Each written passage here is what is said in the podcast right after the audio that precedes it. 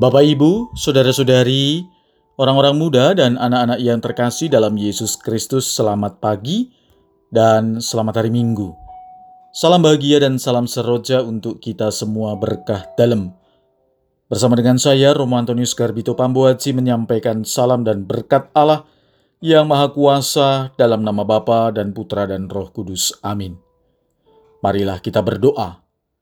Allah yang Maha Kuasa dan Kekal, berkat pengajaran Roh Kudus kami boleh menyebut Engkau Bapa. Kobarkanlah dalam diri kami semangat sebagai anak-anakmu, agar kami layak menerima warisan yang telah Engkau janjikan. Dengan pengantaran Yesus Kristus Putramu Tuhan kami, yang bersama dengan dikau dalam persatuan roh kudus, hidup dan berkuasa Allah sepanjang segala masa. Amin. Hari ini Minggu 9 Agustus kita memasuki Minggu biasa ke-19. Bacaan pertama dalam liturgi hari ini diambil dari kitab pertama Raja-Raja bab 19 ayat 9a, ayat 11 sampai dengan 13a. Bacaan kedua diambil dari surat Rasul Paulus kepada jemaat di Roma, bab 9 ayat 1 sampai dengan 5. Dan bacaan Injil diambil dari Injil Matius bab 14 ayat 22 sampai dengan 33. Sesudah mengenyangkan orang banyak dengan roti, Yesus segera menyuruh murid-muridnya naik perahu dan mendahuluinya ke seberang. Sementara itu, ia menyuruh orang banyak pulang. Setelah orang banyak itu disuruhnya pulang, Yesus mendaki bukit untuk berdoa seorang diri. Menjelang malam, ia sendirian di situ. Perahu para murid sudah beberapa mil jauhnya dari pantai dan diombang-ambingkan gelombang karena angin sakal. Kira-kira pukul tiga pagi datanglah Yesus berjalan di atas air kepada mereka. Melihat dia berjalan di atas air, para murid terkejut dan berseru itu hantu. Lalu mereka berteriak-teriak ketakutan, tetapi Yesus segera menyapa mereka katanya, Tenanglah, inilah aku, jangan takut. Lalu Petrus berkata, Tuhan jika benar Tuhan sendiri suruhlah aku datang kepadamu dengan berjalan di atas air. Kata Yesus, "Datanglah." Lalu Petrus turun dari perahu dan berjalan di atas air mendekati Yesus. Tetapi ketika dirasakannya tiupan angin, Petrus menjadi takut dan mulai tenggelam lalu berteriak, "Tuhan, tolonglah aku!" Segera Yesus mengulurkan tangannya, memegang Petrus dan berkata, "Hai orang yang kurang percaya, mengapa engkau bimbang?" Keduanya lalu naik ke perahu dan angin pun reda. Orang-orang yang ada di perahu menyembah dia katanya, sesungguhnya engkau putra Allah. Demikianlah sabda Tuhan, terpujilah Kristus. Saudara-saudari yang terkasih, paling tidak ada tiga hal yang menarik perhatian kita untuk kita renungkan dari bacaan Injil hari ini.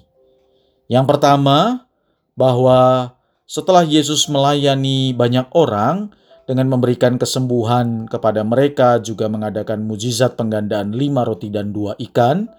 Yesus kemudian menyuruh orang banyak itu pergi, termasuk juga kepada para murid. Dan Yesus pergi sendirian ke atas bukit untuk berdoa. Doa bagi Yesus merupakan unsur penting dalam karya pelayanannya. Maka Yesus dalam hal ini ingin menunjukkan kepada kita bagaimana seharusnya kita sebagai manusia berdoa bahwa kita harus senantiasa tunduk kepada kehendak Bapa. Yesus ingin menunjukkan kepada kita bahwa doa merupakan sumber kekuatan bagi kehidupan kita, dan terutama doa menjadi sumber kekuatan bagi umat yang melakukan karya kerasulan dan juga karya pekerjaan. Kehidupan rohani yang terbangun dari kehidupan doa dan sakramen menjadi penting karena begitu banyak gelombang yang menimpa kehidupan kita. Maka tanpa kehidupan doa yang baik, maka perahu kehidupan kita juga akan goncang. Tanpa kehidupan doa yang baik, maka perahu pekerjaan atau karya kerasulan kita pun juga akan goyah. Bahkan kalau perahu itu adalah lambang gereja, tanpa kehidupan doa dan sakramen yang baik dari anggota gereja, maka gereja juga akan tergoncang. Namun Tuhan berjanji untuk senantiasa melindungi gereja sampai akhir zaman. Saudara-saudari yang terkasih, pada bagian yang kedua, kita diajak melihat cara Tuhan menyelamatkan seseorang dalam kesulitan atau gereja yang dalam krisis sering dengan cara yang tidak disangka. Dalam perikop Injil hari ini diceritakan, Yesus datang kepada para murid secara tiba-tiba pada saat mereka sedang panik karena terjangan badai. Bayangkan, para murid mungkin sudah berjuang semalam suntuk. Mungkin mereka menyadari bahwa guru mereka tidak sedang bersama dengan mereka, sehingga mereka tidak dapat minta tolong kepadanya.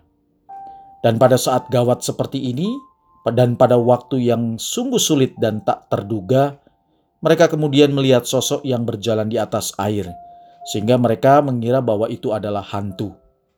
Namun kemudian Yesus berkata, "Tenang, aku ini, jangan takut." Dari sini kita belajar bahwa dalam kondisi tanpa harapan, misalnya menghadapi masalah kehidupan, masalah kesehatan, dan juga masalah yang harus dihadapi dalam menjalankan pekerjaan atau karya kerasulan, kita dapat terus berharap kepada Yesus. Yang diperlukan adalah kepercayaan bahwa Yesus akan datang membantu kita tepat pada waktunya. Pada bagian yang ketiga, saya mengajak kita semua untuk mencermati bagian akhir dari Injil. Mendengar perkataan Yesus serta mengenali sosok dan suara Yesus, para murid mendapatkan ketenangan. Namun, bagi orang yang mengasihi, ketenangan saja tidak cukup. Orang yang mengasihi senantiasa ingin bersatu dengan orang yang dikasihi. Petrus yang mengasihi Yesus mengatakan, "Tuhan, apabila Engkau itu, suruhlah aku datang kepadamu untuk berjalan di atas air." Sungguh pernyataan yang terdengar berani dan mungkin cenderung terburu-buru. Melihat ke dalam hati Petrus, maka Yesus menjawab, "Kemon, datanglah." Dan dengan mata yang tertuju kepada Yesus, Petrus turun dari perahu, menapakkan kakinya dan kemudian berjalan di atas air mendapatkan Yesus. Iman yang membuat seseorang berani meninggalkan apa yang dia punya, melepaskan apa yang dia pegang, meninggalkan daerah nyaman, dan kemudian melangkah ke suatu yang mungkin lebih sulit, lebih tidak nyaman, namun dengan mata terus tertuju kepada Yesus. Ketika Petrus tidak lagi berfokus pada Yesus, namun pada apa yang terjadi di sekitarnya, pada tiupan angin dikatakan oleh Injil, maka hatinya dipenuhi dengan kebimbangan dan ketakutan. Dia melupakan apa yang menjadi dasar dari langkah kehidupannya dan tidak lagi melihat bahwa sesuatu yang baik adalah mungkin untuk dicapai. Karena ancaman sekitar, Petrus melupakan bahwa dasar dia berjalan di atas air adalah karena kekuatan dari sabda Kristus. Mari, datanglah.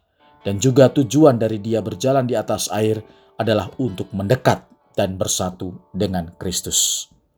Saudara-saudari yang terkasih, Sabda Tuhan hari ini memberi pelajaran pada kita agar kita senantiasa menaruh kepercayaan kita kepada Yesus, sehingga dapat mengarungi gelombang kehidupan dengan penuh iman dan pengharapan.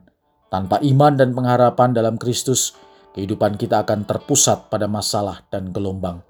Namun, dengan iman dan pengharapan, kita dapat melalui gelombang kehidupan dengan tenang dan damai. Marilah kita berdoa Ya Tuhan Yesus, kami bersyukur bahwa Engkau senantiasa membuat kami bersekutu dengan Engkau, menyelamatkan dan meneguhkan kami dalam terang kebenaran-Mu. Semoga kami pun dapat menghayati kehidupan kami sehari-hari. Berkat Allah yang Maha Kuasa dalam nama Bapa dan Putra dan Roh Kudus. Amin.